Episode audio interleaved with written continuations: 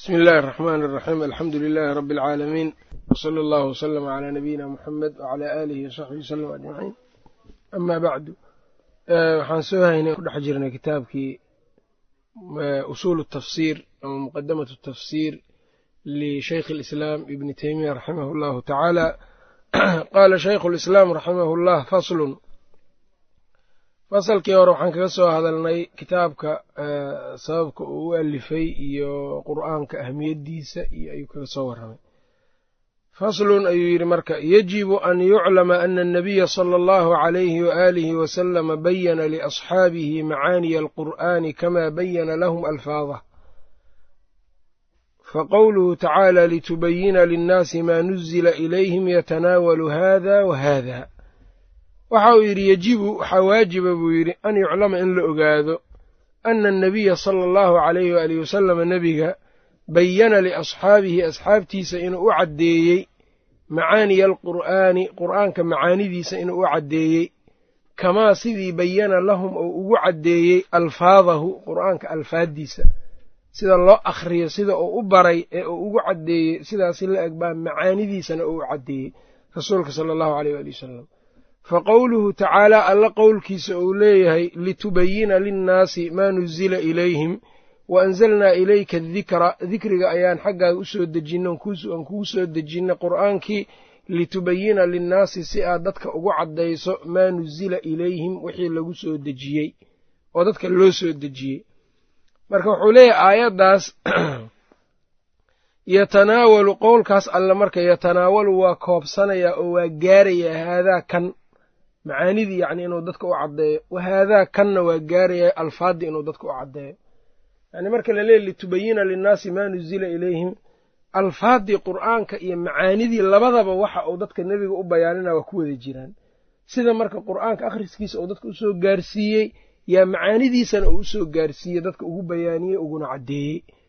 Marka bayaanka waxaa dhici karta mararka qaar nebiga inuu ku caddeeyo ama tabyiinkaba caddaynta qur'aanka qur'aan waa caddeeyaa qur'aanka sunnadana waa lagu caddeeyaa tabyiinka nebiga caleyhi salaatu wasalaam oo caddaynaya waxay noqon kartaa inuu aayaddii ishkaal ku jiray oo kale aayaddii aayad fasirtay.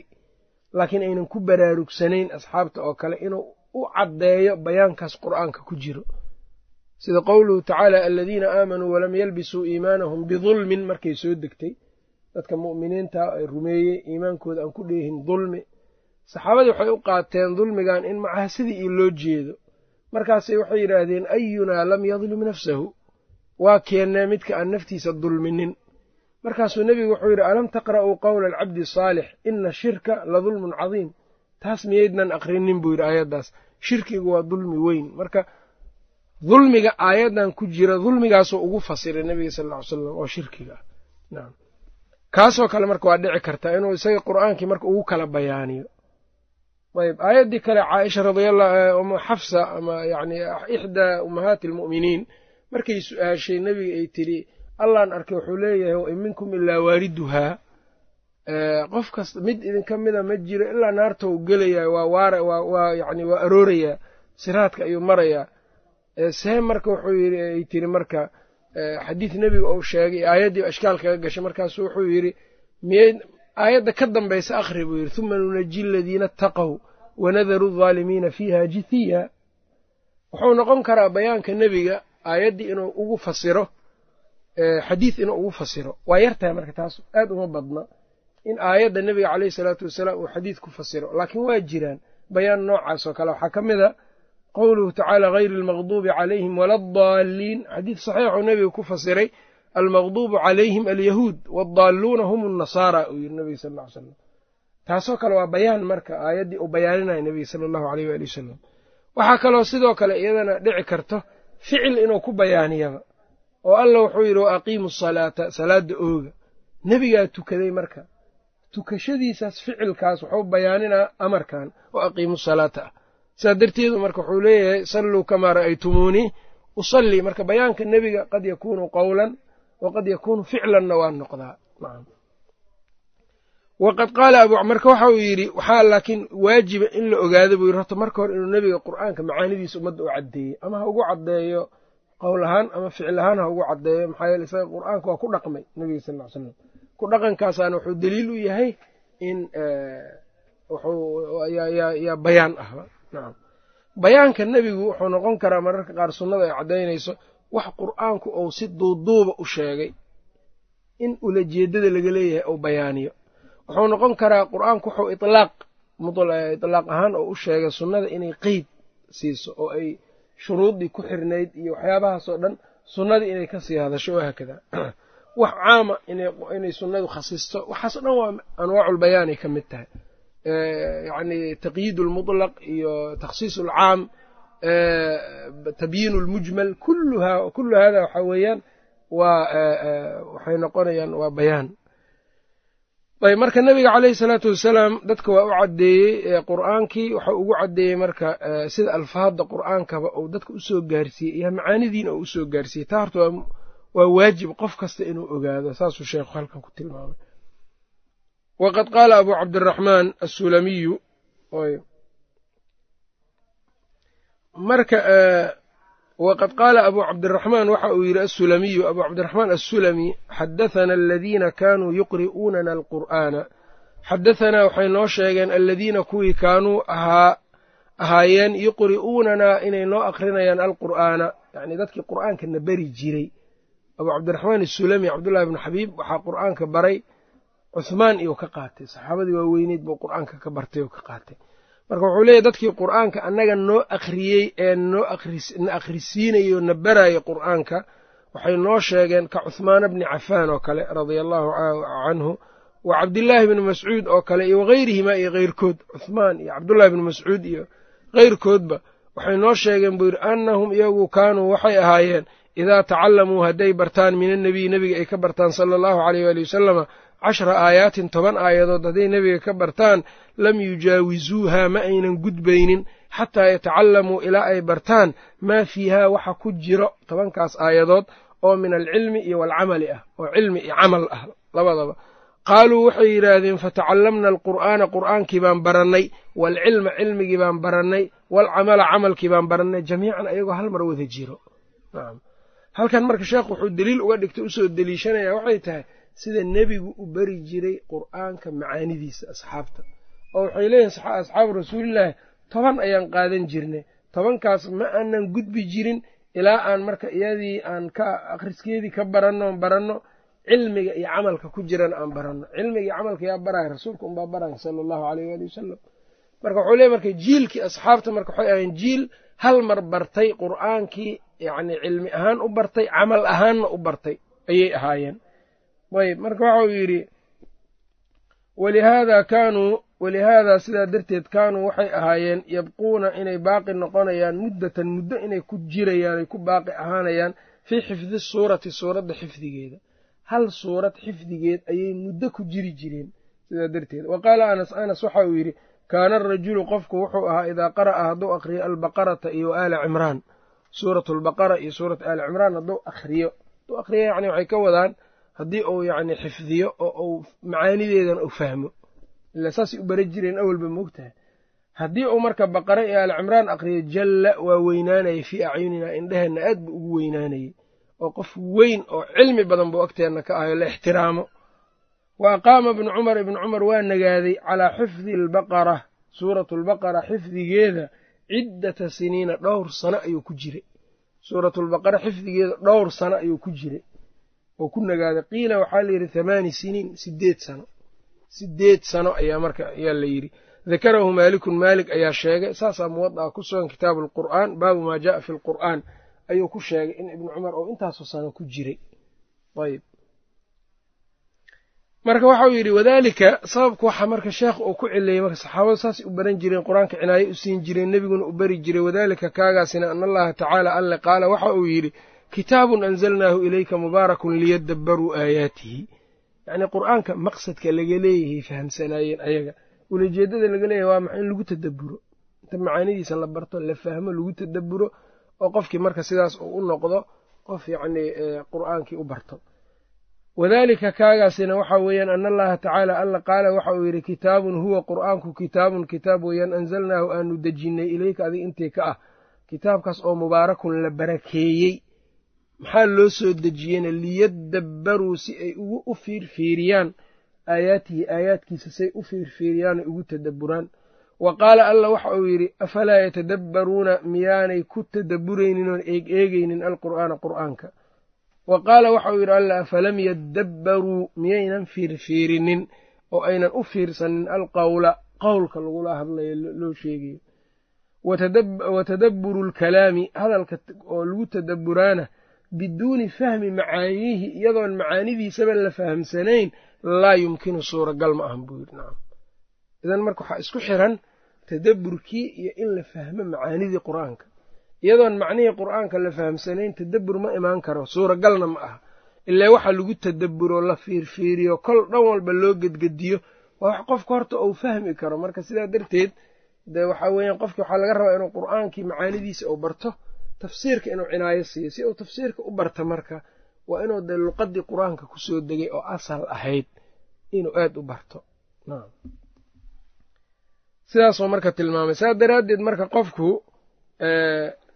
waxaa la dhihi karaa waxaa la dhihi karaa qofku hadduu ka jeesto tafsiirka iyo macaanida ku jirta hadduu ka jeesto qofkaasi waxaa weeyaan qof ka jeestay qof ka jeestay tadabburkii qur'aanka. Qur'aankiina in lagu tadabburo waa laysku tirtirsiiyo waa laysfaray marka ninkii tadabburkii ka jeesto oo qur'aankii yani waxaan ujeeda ninkii qur'aanka macaanidiisa inuu fahmo ka jeestay tadabburkii qur'aanku ka jeestay. Saasay culummadu dhahaan.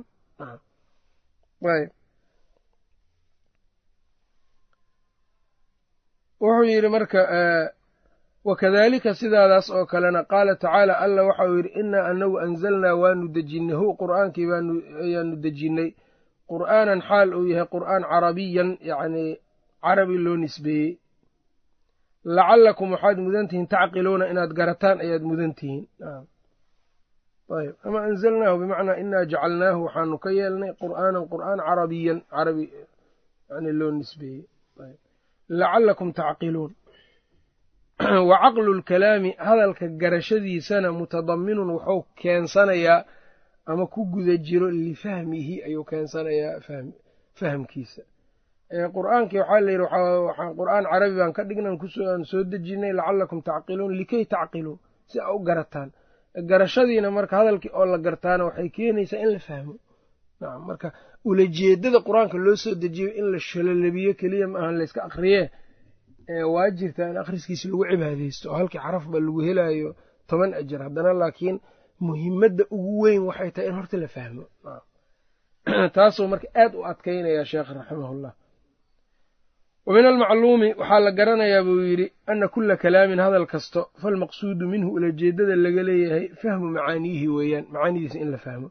Duuna mujaradi alfaadihi alfaaddiisa keliya un in layska ogaado layska akriya inaanay ahayn baa la ogyahay. Falqur'aanu qur'aanka owlaa bidaalika isagaa sidaa ku habboonba. Yacni wuxuu leeyahay hadalka maqsuudka laga leeyahay iyo ulajeedooyinka hadallada laga leeyahay waa in macaanidooda la fahmo. Ee in hadalkan alfaaddiisa keliya un la taxa inaan dan laga lahayn oo danta ugu weyn ee laga leeyahay ay tahay in la fahmo macaanida hadalka yaa la ogsoon yahay. Qur'aanka kaga sii owleysan marka. Idan marka ilaahay kutubtiisa muxuu u soo dejiyey? Wuxuu u soo dejiyey in la fahmo. In la fahmo ayuu u soo dejiyey alfaadan in la xifdiyee la akriyo waa wasiilo ila alfahmi.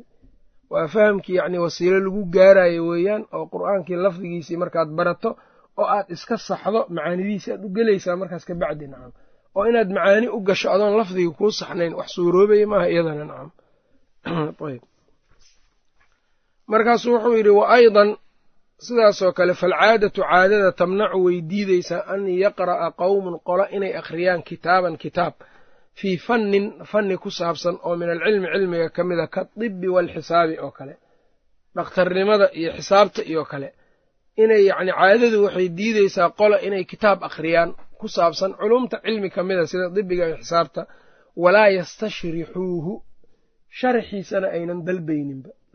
Inay iska akhriyaan kitaab dibiga ku saabsan oo macnihiisana aynan dalbayninoo danba aysan ka lahayn wax dhici kara ma aha nacam bugaagtan waa weyn oo dibiga qof inuu intuu iska soo qaato alfaaddiisa keliya uun iska akhriyo biduuni fahmi macaaniiha wax suuragal a ma ahan buu yidhi nacam fa kayfa sideebuu xaalku yahay bikalaamillahi ilaahay kalaamkiisa alladii kaas oo huwa isaguba cismatuhum badbaadadooda uu ku jiro nacam kitaabka badbaadadoodaba ah oo ay ku sugan tahay badbaadadooday ka nabad galaan yacnii wax xun kitaabkii ay ku sugnayd sideebay hadalkii alla ah xaalkiisu waa sidee marka? Wa bihi isaga najaatuhum badbaadadooda uu yahay. Wa sacaadatuhum liibaantooda. Wa qiyaamu diinihim diinkooda istaagidiisa iyo dunyaahum iyo adduunyadoodaba marka mithaal xayi ah oo yacni waadixa buu keenay oo waxa uu yidhi caadadu waxay diideysaa qof inuu kitaab akhriyo cilmi culumta ka mida ku saabsan haddana aanu sharxiisaba raadinaynin. Iyo macaanidiisa uunan goobaynin oo uusan raadinaynin wax suuragala ma aan buu yidhi fa kayfa bikalaami illah? Marka hadalkii alle sacaadatu daarayn adduunya aakhire lagu liibaanayey ee dadka cismadoodu ay ku jirtay badbaadadii aakhira ee adduun ay ku jirtay masaalixdii adduunyada iyo aakhirada kay ku jirtay sidee baan loo raadinaynin? Marka macaanidiisa in la fahmuu leeyahay. Oo qofkii uu haysto kalaamka alle haddana maca daalika uunan macnihiisaba dan ka lahayn. Nacam walidaalika waxaad garanaya dadka ihmaalinayo tafsiirka ama macaanida qur'aanka aan dan weyn u gelaynin hadda waa dad khilaafay ama yacni aan yeelin amarkii alle ahaa wixii dadka alle uu ku tirtirsiiyey afalaa yatadabbaruuna alqur'aan? Maxaa yeele tadabbur ma u suuragelayo ilaa ay tafsiirka qur'aankii ay ka bartaan. Saa darteeda marka cilmiga tafsiirka uu cilmi aad muhiim u ah oo u yahay. Walihaada sidaa darteed kaana nisaacu dooddu waxay ahayd bayna asaxaabati saxaabada dhexdooda fi tiri lqur'aani qur'aanka tafsiirkiisa qaliilan jiddan mid aad iyo aad u yar buu yidhi. Sidaa ay ihtimaamka u siiyeen oo ay nebiga uga barteen oo nebiguna ugu bayaaniyey darteed ayaa doodda saxaabada ka dhex taagnayd fii masaa'ili tafsiir ay aad u yar tahay buu yidhi. Waxaa dhici karta bacdunaas inay yidhaahdaan yacnii haddaan tafsiirka ibnu jariirka oo kale soo qabanno waxaan arkaynaa aayaddan intaasoo qowl baa lagu fasiray. Ibnu cabaas saasuu yidhi ibnu mascuuda kan yidhi ibnu cumar baa sidaan yidhi oo uu yidhaahda marka waaba kan khilaafkii waa badan yahay maxaa dhacay? Gadaal buu kaaga keeni doonaa ikhtilaafka laba nooca ikhtilaafu tanawuc iyo ikhtilaafu tadaad. Midka uu leeyahay waa yaryahay ama maleba waxaa weeye waa ikhtilaafu tadaadka. Amaa midka tanawuca ikhtilaafu tanawuca waa laga helayaa tafsiirka. Ikhtilaafu tanawucaas laftirkiisaa sii kala noocyo ahoo waxaa dhici karta nin saxaabiya inuu ku fasiro aayaddan. Shay ka mida waxyaabihii aayadda ay soo gelaysay isagoo markaas ula jeedo ka leh masalan dad buu arkayaa waxbaa ka qaldan masalan aayad qur'aanka ka mida oo oo tilmaamaysa yacnii waxaas ka qaldan yacnii koobayso ama sheegayso ayuu soo qabanaya marka. Uu soo dareerinaya waa akhrinaya marka taasuu ku dabaqaya marka. Saxaabigan ulama jeeda aayadda halkan macno keliyay leedahay ma ka wado. Ee waxaa weeyaan aayaddu yacnii waxa macnahan waa tanaawule weeyaanoo waxyaabaha aayaddu ay wada gaarayso qayb ka mida weeyaan arrinkan. Sabab ayaana marka yacni hadalkaa uu ku keenay marka. Sabab ayuu ku keenay. Waxaa dhici karta saxaabi kale aayaddii inuu isagana fasiro meel kale maqaam kale iyadoo la joogo macno kale oo aayaddu ay tanaawulaysa inuu isagana ku fasiro. Hadhow marka bacdinaas waxay dhahayaan labadan saxaabi waa iskhilaafeen fii tafsiiri alaaya.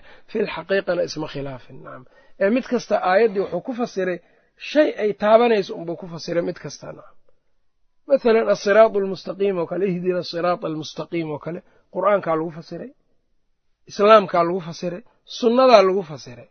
Tafsiirkan ikhtilaafu tanawuc waay nacam mis diidaayo. Ikhtilaaf wax iska hor imaanaya ma aha soo ma garanin. Haakada taasoo kale ay noqon kartaa.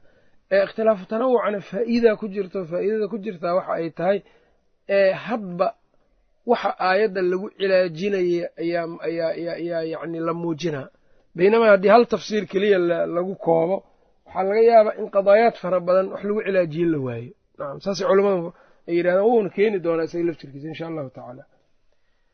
Walihaada sidaa darteed buu yidhi kaana nisaacu dooddu waxay ahayd bayna asaxaabati saxaabada dhexdooda ahayd fii tafsiiri alqur'aani qaliilan jiddan mid aad u yar bay ahayd wahuwa isagu wain kaana fi taabiciina taabiciinta wain kaana haba ahaado yani dood nisaacu haba ahaado fi taabiciina taabiciinta dhexdeeda akhara mid badan minhu fi saxaabati saxaabada dhexdooda kuwo yacni ka badanba haba ahaadaan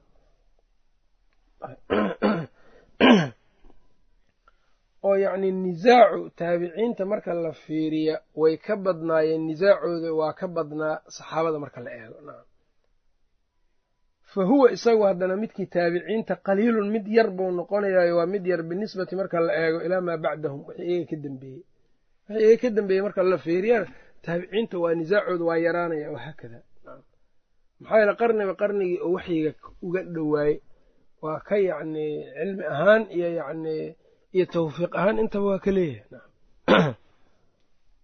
Khayru naasi qarnii uma aladiina yaluunahum uma aladiina yaluunahum waaka nebigu uu yiri sal slam xadiidka cimraan saxiixeynka ku sugnaa fa huwa isagu qaliilun weeyaan buu yidhi nisaaca taabiciinta mid yar weeyaan binisbati marka loo eego ilaa maa bacdahum wa kulamaa mar kastoo kaana alcasru casriga ou ahaado ashrafa mid sharaf badan kaana alijtimaacu ijtimaaca iyo walitilaafu iyo dadka isku soo dunmo iyo walcilmu iyo cilmiga iyo walbayaanu iyo bayaankaba fiihi dhexdiisa akhara buu ahaadaa nacam leey waqti walbaa waqtiga uu casri walbaa casriga uu ka sharaf badan yahay. Khilaaf yarida yaa badan. Casri walbaa casriga uu ka sharaf badan yahay ee waxyiga xaggiisa uga dhow yahay khilaafku waa yaryahay kulamaa xaggaas a u sii dhowaato waa sii yaraanaya khilaafka. Kulamaa casrigu oo waxyiga ka soo dheeraadana khilaafku waa badanaa. Nacam tiradiibuu ka badanaya marka khilaafku wax ammaana maaha waa shar waay hadduu khilaafku fiican yahay saxaabada iyo ku badan lahay nacam soo ma garan iyo taabiciinta iyo aad ugu badan lahaa. Marka khilaafku waa shar. Wa min ataabiciina taabiciinta waxaa ka mida buu yidhi. Marka halkan marka sheekhu wuxuu awalan soo bilaabay nebigu inuu inay waajib tahay marka hore in la ogaado inuu nebigu bayaaniyey qur'aankii. Sida alfaadiis u bayaaniyey macaanidiisana in u bayaaniyey. Asxaabtii inay nebiga ka qaateen buu kuu sheegay. Khilaafkii saxaabada inuu yaraay marka loo eego dadkii ka dambeeyey taabiciinta kadalika dadkii ka sii dambeeyey inuu yaraa. Marka saxaabadii toban aayadood bay qur'aanka u bara jireen ma ka gudbi jirin ilaa cilmigeedii camalkeediiba ay haayaan ay gacanta ku dhigaan. Taabiciintii baa marka saxaabadii cilmigaa waxay ku dhaafeen oo ay uga tageen taabiciintii. Markaasu wuxuu ku leeyahy min ataabiciina waxaa ka mida taabiciinta. Man baa ka mida qolo ama dad talaqaa kala kulmay jamiica tafsiiri tafsiirka dhammaantiis cani saxaabati kala kulmay. Taabiciintii waxaa laga helayaa qolo ama qaar tafsiirka oo dhan saxaabada ka qaatay. Kamaa qaala mujaahidun sida uu mujaahid uu yidhi caradtu lmusxafa musxafka ayaan bandhigay cala bni cabaas baan u bandhigay. Uuqifuhu xaal aan istaajinayo cinda kulli aayatin aayad kasta agteeda minhu musxafka ka mid a wa as'aluhu aan weydiinayo canhaa aayaddaa xaggeeda oo waxaan samaynaya buu yidhi musxafkii baan aayad aayad ibnu cabaas ugu bandhigay. Aayad markaan akhriyaba waa istaajinaya aayaddan macnaheedaan weydiinaya markaasaan ka ayaan ka qaadanaya buu yidhi ibnu cabaasna de nebiga sal alla ly salam wuxuu ku tilmaamay wuxuu ugu duceeyey ilaahay inuu fiqina siiyo kitaabkana inuu baro. Ilaahayna waa baray kitaabka. Ayb ibnu cabaasna de cumar iyo raggii lamidka wax ka qaadan jiro oo cilmiga uu ka qaadan jiray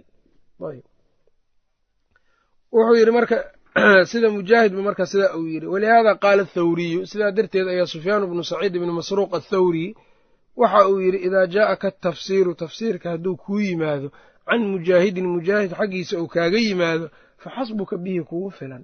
Isagaba kugu filanba tafsiirka haddii uu mujaahid xaggiisa kaaga yimaado. Walihaadaa sidaa darteed yactamidu waa cuskanaya waxaa cuskada calaa tafsiirihi tafsiirkiisa ashaaficiyu waalbukhaariyu iyo wagayruhumaa shaafici iyo bukhaari baa cuskado iyo wagayruhumaa keyrkoodu min ahlilcilmi ka mid ah wakadalika sidaadaas oo kale alimaamu axmed imaam axmed iyo wagayruhu iyo keyrkii waa cuskadaan tafsiirka mujaahid minman ah sannafa sannifa fi tafsiiri tafsiirka yani wax ka qoray yukariru waa soo celcelinaya imaam axmed aduruqa duruqdii buu soo celcelinaya can mujaahidin mujaahid xaggiisa akhara min hayrihi mujaahid keyrkiis wax ka badan. Yacni mujaahid buu aada ugu soo celceliyaa waa tafsiirka mujaahid. Imaam axmed awalan kitaab tafsiira maleeyahay mase malaha waa ibnu teymiya sidan waa sheegayaa ibnulqayimna kadalika wuu sheegaa badaaci lfawaa'idka saasoo kale. Tafaasiir badan buu axmed ka soo naqliyaa allahu aclam inay kitaabkan la sheegaya tafsiirka inay tahay waa suuragal.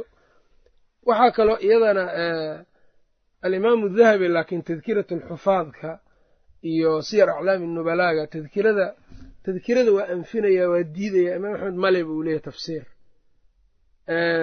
Kitaabkan kale siyarkana waxa uu leeyahay calaa kibarihi buu anfinayaa. Weynaanta kitaabka yani tafsiirka sida uu weynaantiisuu diidaya yani oon ka sugnaanin buu leeyahay saasoo kale axmed bin xambal ayb calaa kullin faqradan wuxuu ku sheegay in taabiciintu ay saxaabada ka qaateen tafsiirka.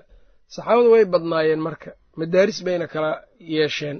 Ibnu cabaas maka uu fadhiyey arday badan buu lahaa. Ardaydiisana waxaa ugu weynaa mujaahid iyo cadaa ibn abi rabax iyo daawus ibnu kaysaan alyamani iyo cikrima iyo raggaas baa ugu badnaa. Ibnu cabaas tafsiirka laga wariyana dariiqa ugu fiican ama saxiifatu saadiqa la yidhaahdo waxaa weeyaan saxiifat caliy bni abi alxa can ibni cabaas saxiifat caliy bni abi talxa can ibni cabaas waana midda imaamu albukhaari fii kitaabi tafsiir min saxiixihi ou cuskado. Aayadaha markuu sheegayo kelimaadka tafsiirkooda qaala ibnu cabaas iyo uu leeyahay wuxuu cuskaday riwaayada caliy bni abi talxa kadalika axmed iyana saasoo kale weeyaan marka caliy bni abi talxa waxaa la yidhaahdaa arrinaa jiro oo maca daalika caliy bni abi talxa ma soo gaarin oo lam yudrik ibna cabaas caliy bni abi talxa alqurashi alhaashimiy ma soo gaarin ibnu cabaas inqidaac baa marka ku jiro. See marka waayahay maxsey ku noqotay asaxiifatu saadiqa. Waxay ku noqotay ibnu xajar sida uu sheegayo waxaa dhacday wijaadaad buu helay awalan. Thaaniyan haddana waxaa kaloo dhacday ibnu xajar sida uu tilmaamayo. Caliy bn abi talxa wuxuu tafsiirka ka qaatay mujaahid buu ka qaatay oo ibnu cabaas wuxuu u maraa mujaahid buu u maraa caliy bn abi talxa can mujaahid can ibni cabaas weeyaan. Wijaadana marka waa helay ninka uu ka maqla tafsiirka ibnu cabaas uu ka werinayona waa la gartayo waa mujaahid marka waasidada ibnu xajar wuxuu yidhi haddii mar la fahmayba waasidadii inqidaacii cidda uu gooyey haddii la gartay mujaahidna uu yahay khalaas marka wax dhibaataa ma leh. Nacam sideedana yacni tafsiirka asaaniid asaaniidda tafsiirka sida asaaniidda marka musطalaxa la joogoo kale ma loo naqdiyo. Nacam oo si kalaa loo fiiriyaa waxaa dhici karta raawi daciif fi lxadiid ku ah tafsiirka inuu ku yahay hiqo waxaa dhici karta cilo aan xadiidka lagu aqbali lahayn tafsiirka in lagu aqbalo. Hadda tan oo kale inqidaacan oo kale fi lxadiid yacni waa cila laakiin halkan hadda cilo ma ku ah tan cilo ma ku aha. Oo iyadoo saas ah haddana laga rajaxa tafaasiir kale oo laga yaabo inay mutasil ay yihiin. Marka kolleytaba wax sidaas sidaas in loogu ogaado ay tahay weeyaan ayb. Marka ibnu cabaas isagoo marka taasuu lahaa asaaniiddiisa ugu fiicanna waa kaas marka. Kuwa ugu daranad waxaa weeyaan midda alkalbi ariiqa can dariiqi alkalbiy ibni saa'ib alkalbi maxamed ibni saa'ib alkalbi can abi saalix saasoo kale nacam oo dariiqaas marka abi saalixaas waa waa dacfi baa lagu sheegay kalbiga laftirkiisa waa saasoo kale duruqdaas duruqda ugu daran weeyaan. Iyo dariiq asudiyu sagiir maxamed ibnu marwan asudiyu sagiir sudiyiintu labay ahaayeen sudiyu lkabiir iyo sudiyu sagiir. Sudiyu sagiirka maxamed ibnu marwan waa silsila waxaa weeyaan aad daciif u ah oo ibnu cabaas uu ka werinaya yani tafsiirka. Ibnu mascuud ayagana isagana waxuu lahaaday dad badanoo tafsiirka ka xambaaray masruuq ibnu lajdac iyo raggaas ay ka mid ahaayeen iyo nakaciyiinta calqama iyo raggii xadiidkana ka weri jiray. Ibnu cumar isagana fi lmadiina tafsiirka waxaa ka xambaaray zayd ibnu aslam ayaa ugu weynaa. Imaam maalik tafsiirka meesha uu ka qaatay waxaa weeyaan zayd ibnu aslamkaas. Nacam maalik can zayd ibni aslam can ibni cumar. Tafsiirku marka zayd ibnu aslam u maraa. Asaniid ibni cumar. Tafsiirka looga wariyo taasaa ugu weyn. Zayd ibnu aslama aada ugaga wariyay zayd ibnu aslam marka maalig waa ka wariyaa wiilkiisa waxaa jira isagana fi lxadiid aad daciif uga ah cabdiraxmaan ibni zayd ibni aslam la yiraahdo ayaa jiro. Laakiin xadiidka yani tafsiirka aad loo xujaysto oo ibnu jariir aadan ka waayinayninba wa qaala ibnu zayd markaa maqashay ibnu zayd waa cabdiraxmaan ibnu zayd ibni aslam waa. Waana nin aad daciif u ah marka xadiidka la joogo. Adu marka saxaabadu waxay kala lahaayeen dad saasoo kale ah oo marka tafsiirkana aada ugu marka waktigii dambe waxaa bilaabatay in la dawinaba tafsiirka. Oo tafsiir bil athara soo baxay asaaniiddaas iyo marka wixii kale. Kutub gaaro ibn abi xaatim tafsiir weyn buu leeyahay. Tafsiir ibn abi xaatim la yidhaahdo oo sanadkiisa uu ku weriyo ilaa marka ama ibnu cabaas uu ka werinayaa ama wuxuu ka werinaya mujaahid oo kale ama ilaa nebigaba uu ku gaaro. Marka tafsiir weyn oo athari ah weeyaan oo kulligiis wada naqli ah cabdirazaaq ibnu hamaam asancaani isagana tafsiir buu leeyahy tafsiiru sancaani la yidhaahdo ibnulmundir tafsiir buu leeyahay. Tafsiir ibnulmundir la dhaho. Ibnu jariir laftirkiisa. Kullu haadaa waxaa weeyaan tafaasiirtii asxaabta laga wariyey oo sanadkooda ay ku warinayaan weeyaan. Ayb marka waxa uu yidhi madaaristaas baa marka timid. Taabiciintu marka tafsiirku laba si ayay u fasiraan si waxaa weeyaan waatanoo saxaabadii ay ka maqleen saxaabadii bay ka soo warinayaan. Mujaahid oo kale wuxuu leeyahy can ibni cabaas qaala ibnu cabaas fii hadihi alaaya kada wakada ibnu cabaas saasa buu ku yidhi aayadan mararka qaarna waxaa dhici karto in isaga uu ku ijtihaado oo tafsiir yacni bilijtihaad inuu isticmaalo. Oo isagii marka uu luqadii iyo usuushii ibnu caba meeshii ibnu cabaas maadaama uu sheekhiisii ahaa ibnu cabaas mundalaqi iyo meeshii uu ka indilaaqi jiray iyo usuushiisa intuu inuu raaco isagii marka uu tafsiir aayad ku ijtihaadaa dhacaysa marka. Taabiciintu marka labadaas qaabba maray ka soo wariyaan saxaabada iyo maray iyaga ku ijtihaadaan tafsiirka labadaba waa jiri jirtay. Ijtihaadkooda marka sida saxaabaduba ay saa u ahaayeen ibnu cabaas laftirkiisa yani waxaa dhicaysa tafsiirka inuu ku ijtihaado. Saxaabadii taabiciinta way ku ijtihaadi jireen tafsiirka. Ijtihaadka marka waxaa dhici karta taabicigan markuu ijtihaado ee aayadda uu fasiro ijtihaadku wuxuu noqon karaa qad yakuunu sawaaban waqad yakuunu khata'an. Haddii marka uu khata noqdo waxaa weeyaan waa laakiin sawaabkaa u badan dabcan. Qofka hadduu yani ahalba u yahay sawaabkiisaa badan. Waxaa dhacaysa mujaahid oo kale mathalan tafsiirkan wujuuhun yowmaidin naadira ilaa rabbihaa naadira oo kale iyo tafsiirkan casaa an yabcahaka rabuka maqaaman maxmuuda aayadda hore wujuuhun yowmaidin naadira ilaa rabbihaa naadira ay tantadiru thawaaba rabbiha buu yidhi. Waa tafsiiri uu ku ijtihaaday waana ijtihaadkaasna marka culammada ku diideen ee mufasiriinta waxaa ka mid a sidoo kale tafsiirkii casaa an yabcahaka rabuka maqaaman maxmuudan wuxuu ku macnayay maqaamulmaxmuudka ijlaasuhu macahu cala alcarshi alla inuu nebiga carshiga korkiisa u fariisin doono maciisa ayuu ku fasiray. Tafsiirkaas marka waxaa weeyaan waa tafsiir la daciifiyey waay sababtoo ah aathaar iyo axaadiid baaba soo aroortayba almaqaamu almaxmuud inuu yahay shafaacatu alcudmaa inay tahay yaa soo aroortay. Marka tafsiirkaas waxaa la yidhi waa a'immadu way ka hadlaan. Waa labadaa tafsiirba mujaahid laba qowloo tafsiirka wuxuu ku leeyahy gariib ah. Labadaa qowlay ku sheegaan. Nacam soo ma garan.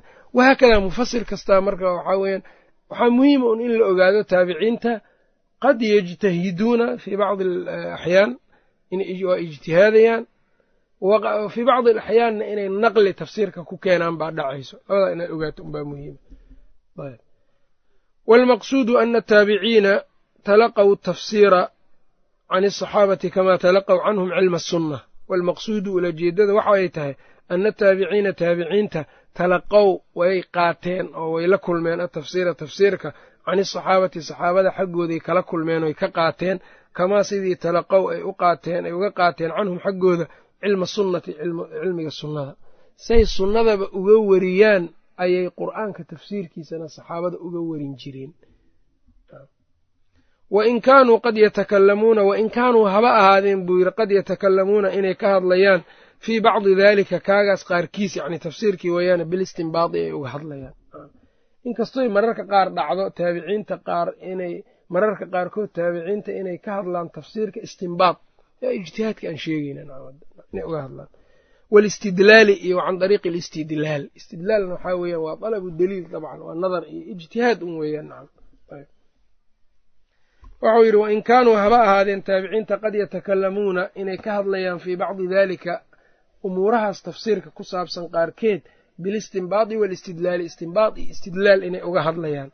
Haddaba marka waxaa halkan uu ku tusay marka waxaa dhacayso taabiciinta mararka qaarkood tafsiirka inay iyaga ku ijtihaadaan oo yidhahdaan aayaddan macnaheedu waa sidaa islaam haddaba qofka marka mujtahidka ee tafsiir ku ijtihaadi karo ama yacni istinbaad iyo istidlaal iyo tafsiir ku keeni karo tafsiirka labaa loo qeybeya tafsiir tafsiir ma'huur ah tafsiir bilathar iyo tafsiir bilijtihaad tafsiir bilathar waxaa weeyaan sanad inaad kaxayso ilaa iyo ama nebiga gaarsiiye ama saxaabada gaarsiiye ama taabiciintiiba gaarsiiye tafsiir bilijtihaadna waxaa weeyaan in qofka uu ku ijtihaado tafsiirkan.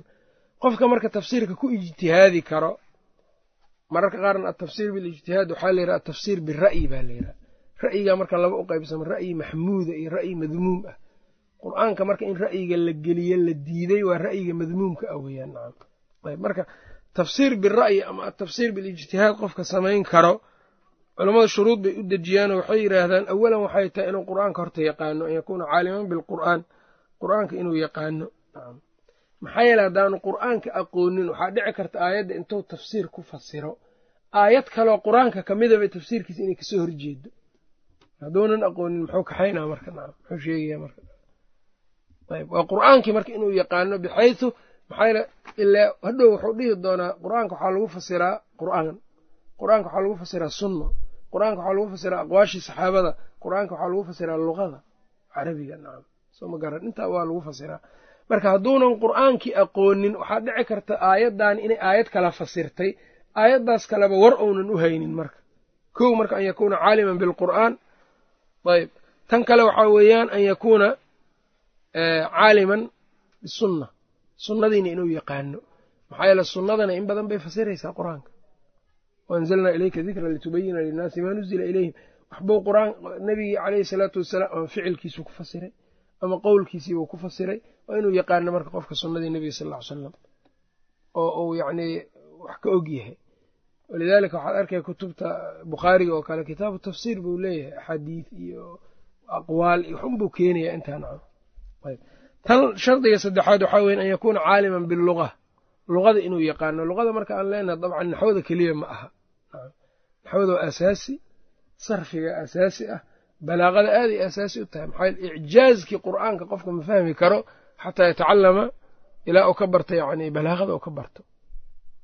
Macaanida yani balaaqada weliba cilmiga cilmulmacaaniga oo kale iyo fahamka aayadda yani wax weyn buu ka tarayaa nacam cilmiga yani cilmulmacaaniga la yidhaahdo ayb isnaadkii iyo habka u samey yani u rakiban yahay iyo yani taqdiimka iyo ta'khiirka oo kale iyo waxyaabahaas oo dhan waxay keenayaan yani hadduu aqoon hadduu u leeyahay dhowq uu wax ku fahmo yeelo kara ama malako ayb waxaa kaloo ka mid a aan ka baxsanayn adabka adabka laftirkiisa maxaa adabka caadadii carabta caadaadkii carabta iyo habkay u dhaqmi jireen yaa ka buuxo qofka aladab alcarabi marku barto laasema aladab aljaahili xilligii jaahiliyada adabkii jiray suugaantii jirtay oo kale wadcigay ka tarjumaya waana wadcigii qur'aanka uu ku soo degay waay qofka marka fahmo u yeelana marka waxyaabahaas inuu ogaado.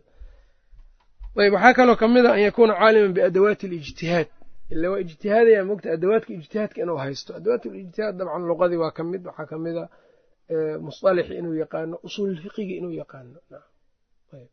Oo usuululfiqigii oo kale inuu yaqaano maxaa yeelay usuululfiqiga dambe waxmaba istimbaadi kara haddaanu aqooninba usuululfiqiga ayb waxaa kaloo iyadana marka shuruudaha ka mid a sidoo kale an yakuuna caaliman wa caarifan bilcaqiidati asaxiixa caqiidada saxiixa ee yani ahlu sunnada caqiidadooda inuu fahamsan yahay.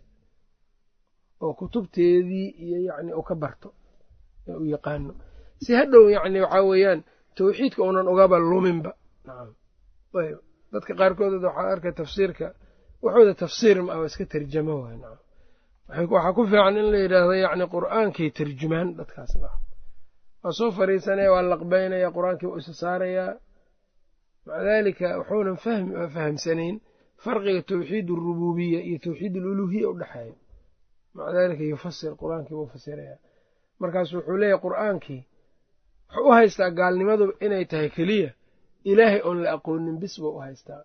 Oo gaaladii ina ilaahay inaynan aqoonin oo qofka hadduu alla yaqaanaba inuusa gaal ahayn buu u malaynayaa nacam markaas wuxuu ku wereerayaa wala in sa'altahum man khalaqa asamaawaati walarda la yaquuluna allah dad allah sheegayo magaciisa say gaalo ku yihiin buu dhahayaa nacam qofkaas yani wax tafsiirkiisa waxaa weye inuu wax fasiro uma ahan yani ahl uma ahan waxyaabahaas marka inuu yaqaano yaa laga rabaa oo aad iyo aad yani qofka marka uu istimbaad iyo yani gelayo oo qur'aanki yani inuu ijtihaadkiisa ku fasiro ou rabo laabudda inuu yani shuruudahan inay u tawafurto aaday muhiim u tahay. Carabta caadaadkoodii iyo dhaqankoodii iyo muhiim waaye oo ibnu jariir qowluhu tacaala falaa tajcaluu lilahi andaadan wa antum taclamuun. Malaynayaa meeshaa markuu ku jiro fasiraya wuxuu leeyahay tafsiir waxaa jira mujaahid ou fasiray. Wa antum taclamuuna waxaa loo jeedaa buu yidhi ahlu kitaabka. Maxaa iyagaa alla yaqaanay buu yidhi wa antum taclamuun mushrikiin alcarab maahan waxaa loo jeedaa buu yidhi alyahuud waannasaara siyaaqa aayadana dabcan mushrikiinta lala hadlaa. Dabcan.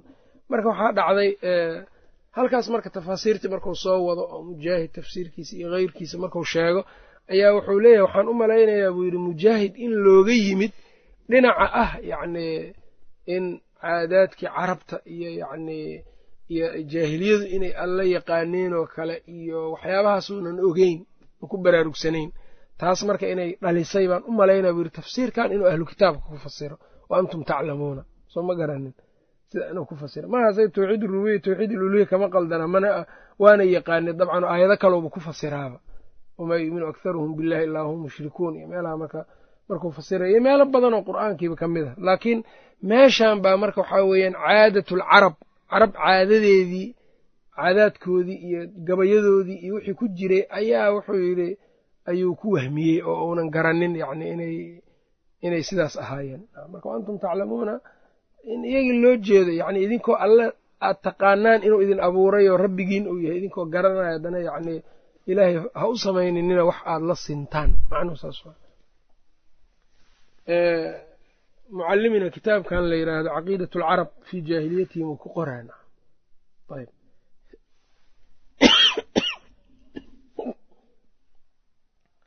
marka waxa uu yidhi walmaqsuudu ulajeedku waxaa weeyaan ana ataabiciina taabiciinta talaqow atafsiira tafsiirka ayay qaateen. Oy la kulmeen cani saxaabati saxaabada xaggooday kala kulmeen oy ka qaateen kamaa talaqow say uga qaateen canhum xaggooda cilma sunnati sunnada cilmigeeda. Wain kaanuu haba ahaadeen qad yatakalamuuna inay ka hadlayaan fii bacdi dalika kaagaas qaar ka mida bilistinbaadi ay uga hadlayaan iyo walistidlaali istinbaad iyo istidlaal kamaa sida yatakalamuuna ay uga hadlayaan fii bacdi sunani sunanka qaarkood bilistinbaadi walistidlaal sida axaadiidta qaarba ay uga hadlayaan bilistinbaadi walistidlaal sidaasoo kale tafsiirkan uga hadlayaan mararka qaar bilistinbaadi walistidlaal saasuu ku leeyahay markanacam marka masaa-ishaas ayuu halkan kaga hadlay sheikhu lislaam raximah llah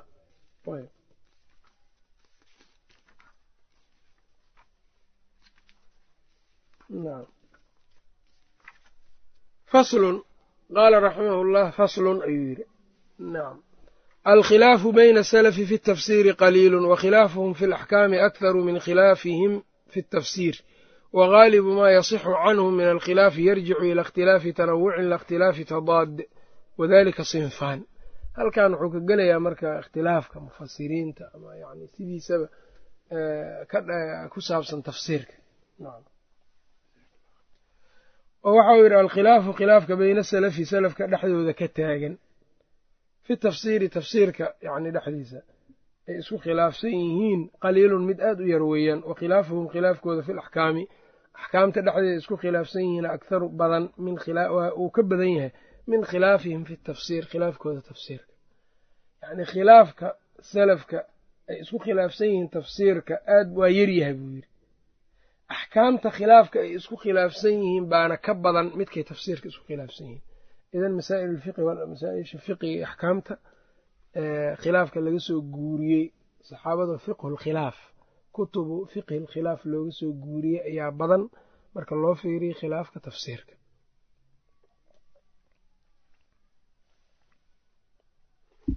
Wagaalibu maa yasixu canhum min alkhilaafi wagaalibu maa shay gaalibkiis ama kan ugu badan yasixu canhum ka ansaxaya xaggooda oo min alkhilaafi khilaaf ah yarjicu wuxuu u laabanayaa ila ikhtilaafi tanawucin buu u laabanaya ikhtilaafu tanawuca ayuu u laabanayaa la ikhtilaafi tadaad ee u laaban maayo ikhtilaafka noociisa loo yaqaano ikhtilaafu tadaad.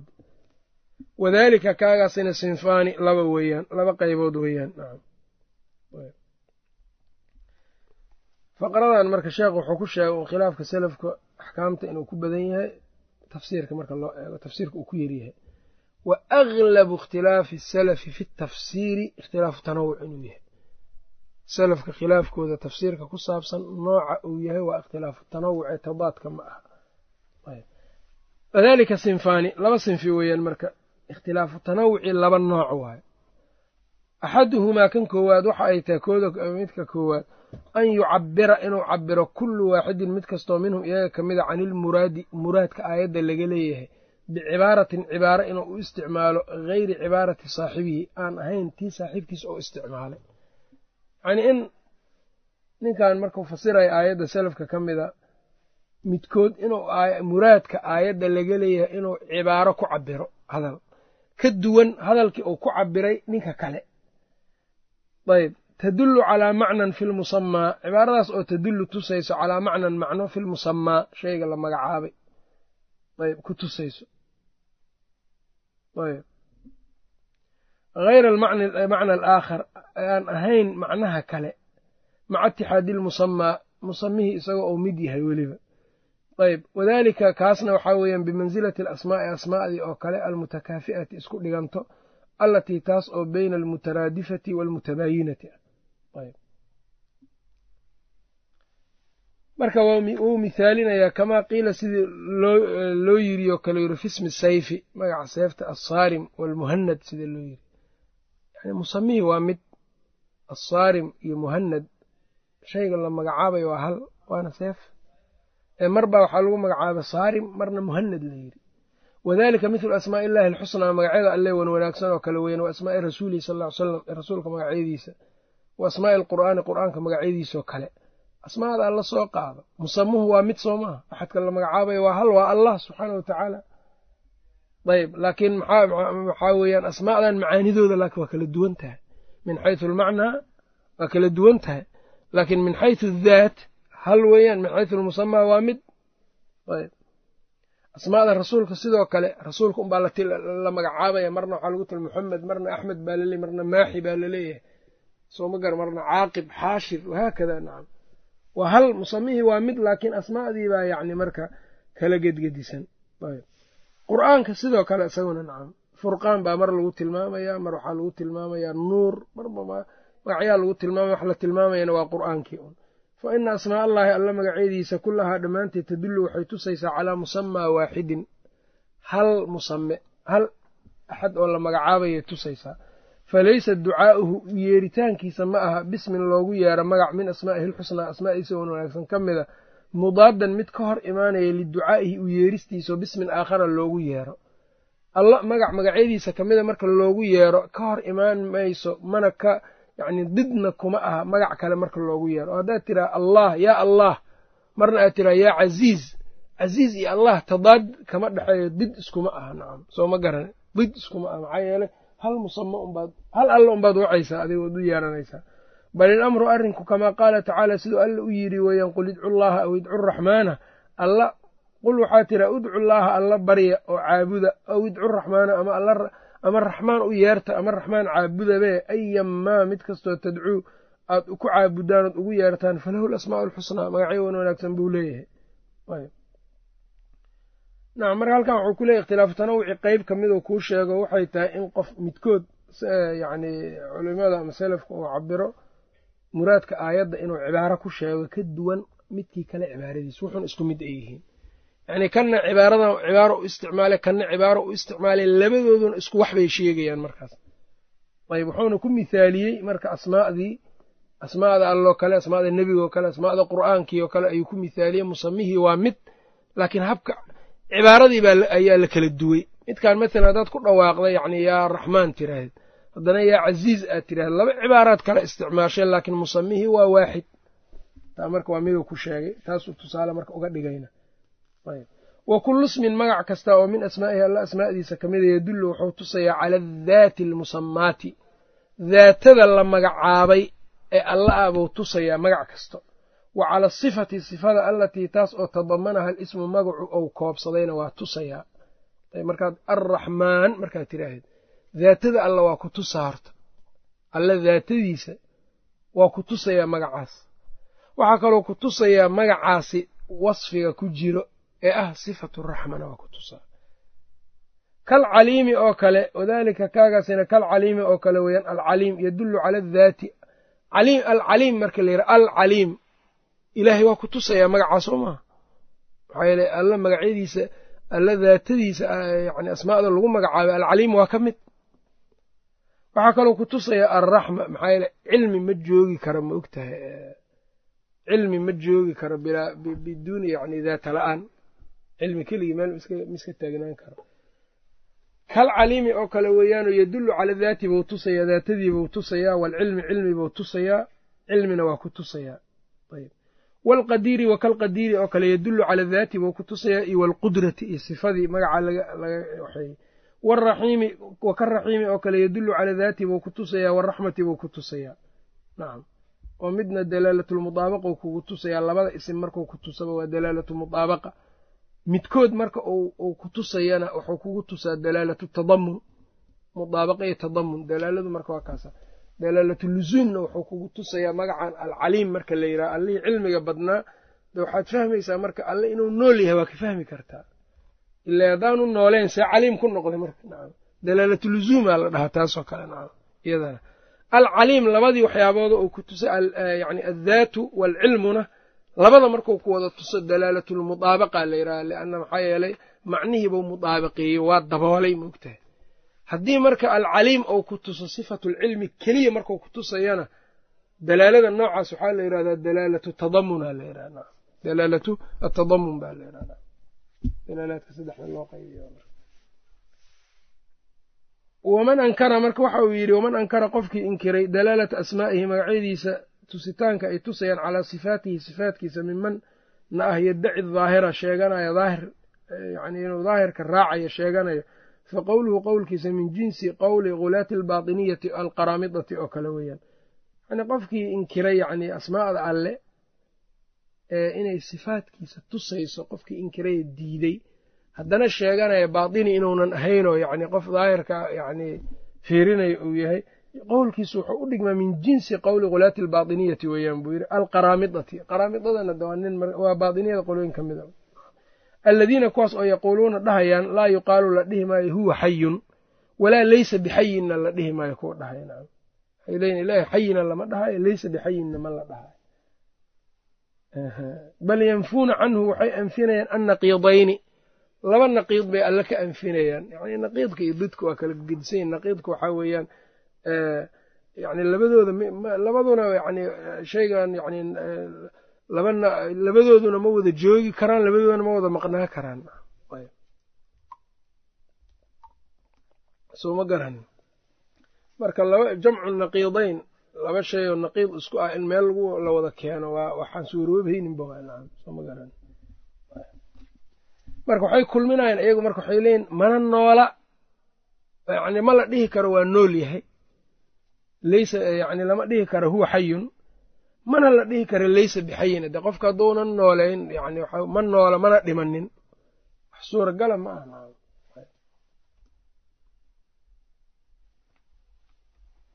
Bal yanfuuna canhu naqiidayni bay ka anfinayaan. Ayb laba shay oo naqiid isku ebay ka anfinayaan.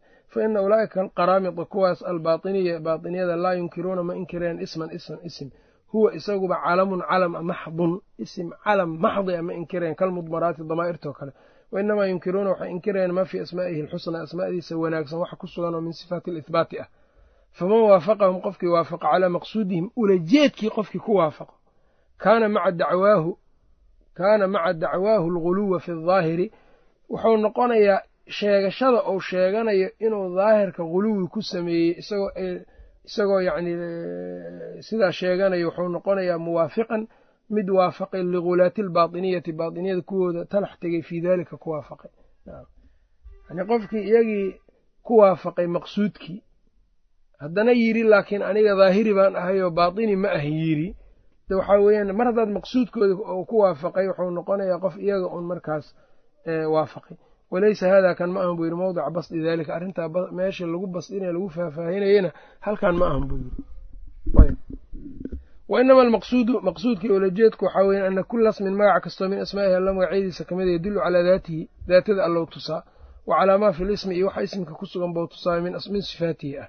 Wayadullu aydan wuxuu tusaa cala sifati alatii sifada allatii taas oo fi lismi alaakhari magac kale ku jirto bidariiqi luzuumi waa kaasa dariiqi luzuum buu kugu tusaa dalaalatu luzuum soo qaado alcaliim soo qabso alcaliim muxuu ku tusaana wuxuu ku tusayaa daatada alle iyo sifatulcilmi labadoo wada jiro dalaalatu mudaabaqa ayuu kugu tusay. Hal ka mida markuu ku tusana waxaa weeyaan wuxuu kugu tusay dalaalatu tadamun waxaa kaloo ku tusayaa magacan alcaliim.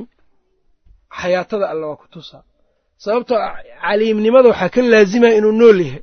Hadduusan noolayn caliim maba noqon kara mogta dalaalatu luzuuma taas la yidhaha midda uu hadda gadaal kaaga daro kaaga sheegay wakadalika asmaau nabiyi sala allahu aleyh waali wasalam sidoo kale magacyada nebiga mithlu muxamed wa axmeda waalmaaxi waalxaashir waalcaaqib oo kale wakadalika asmaau lqur'aani mithlu alqur'aanu waalfurqaanu waalhudaa waashifaau waalbayaanu waalkitaabu oo kale amhaalu dalika waa la mid iyaguna kuwaas faida kaana maqsuudu saa'ili saa'ilka ulajeedkiisu haddii uu yahay tacyiina almusamaa ulajeedka ninka su'aasha keenayo ee wax raba inuu ogaado haddii ulajeedadiisu ay tahay tacyiina almusamaa musamihi cayinitaankiisa. Kii la magacaabay in la cayino. Cabbarnaa canhu waxaan uga cabiraynaa xaggiisa biayi ismin magac kastoo kaana oo ahaaday idaa curifa haddii la garto musamaa hada lismi ismkan musamihiisa waqad yakuunu lismu calaman waxaa la arkaa isimka inuu calam noqdo waqad yakuunu sifatan buu noqdaa. Kaman yas'alu qof weydiinaya can qowlihi waman acrada can dikrii oo kale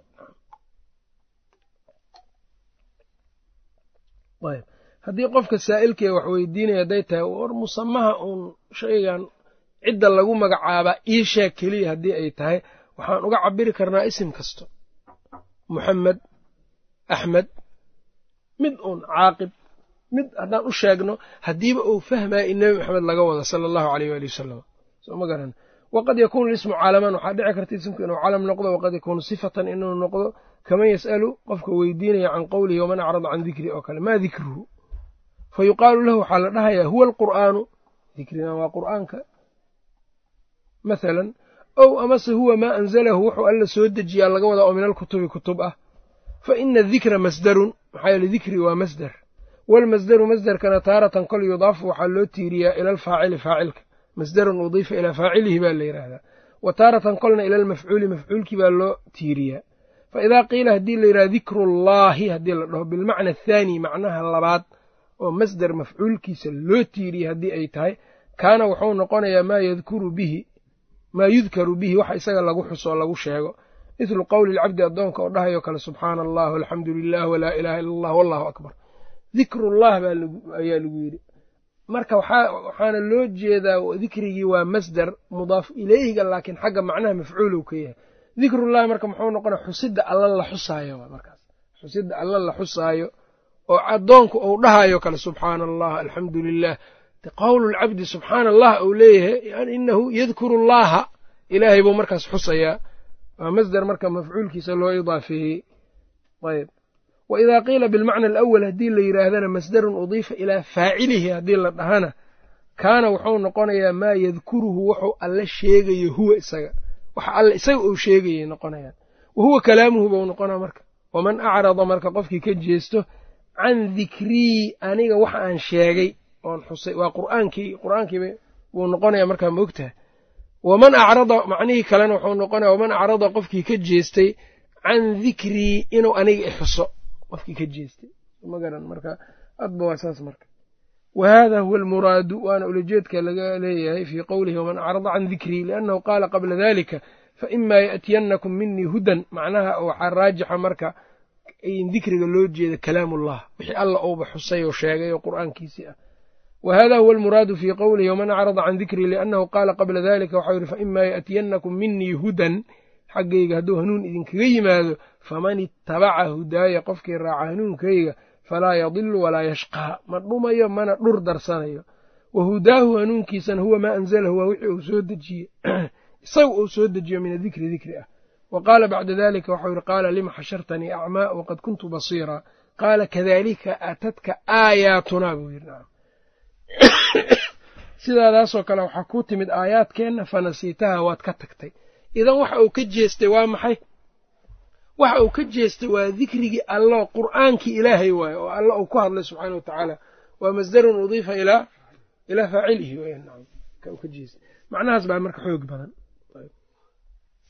walmaqsuudu ulajeedadana waxay tahay an yucrafa in la garto ana dikra dikriga huwa kalaamuhu lmunazal inuu yahay aw amase huwa dikru lcabdi addoonka xuskiisa ama sheegidiisa lahu alla uu sheego fa sawaaun waxaa isku mida marka qiila in la yidhahdo dikrii kitaabii ow kalaamii in la yidhahdo ow amase hudaaya la dhaho ow naxwu daalika ama wixii lamida si kastoo la dhaho fa sawaaun dhe waxaa isku mida qiila in la yidhaahdo dikrii kitaabii ow kalaamii ow hudaaya nacam sidaa la yidhahdo ow naxwu daalika la dhaho kaana almusamaa si kastoo la yidhaha kaana almusamaa waaxidan musamuhu waa un mid mar walbo oo maxaa yeeley kalaamka alle kitaabka alle hanuunka alle qur'aanka waa soo maa musamiin marka waa mid.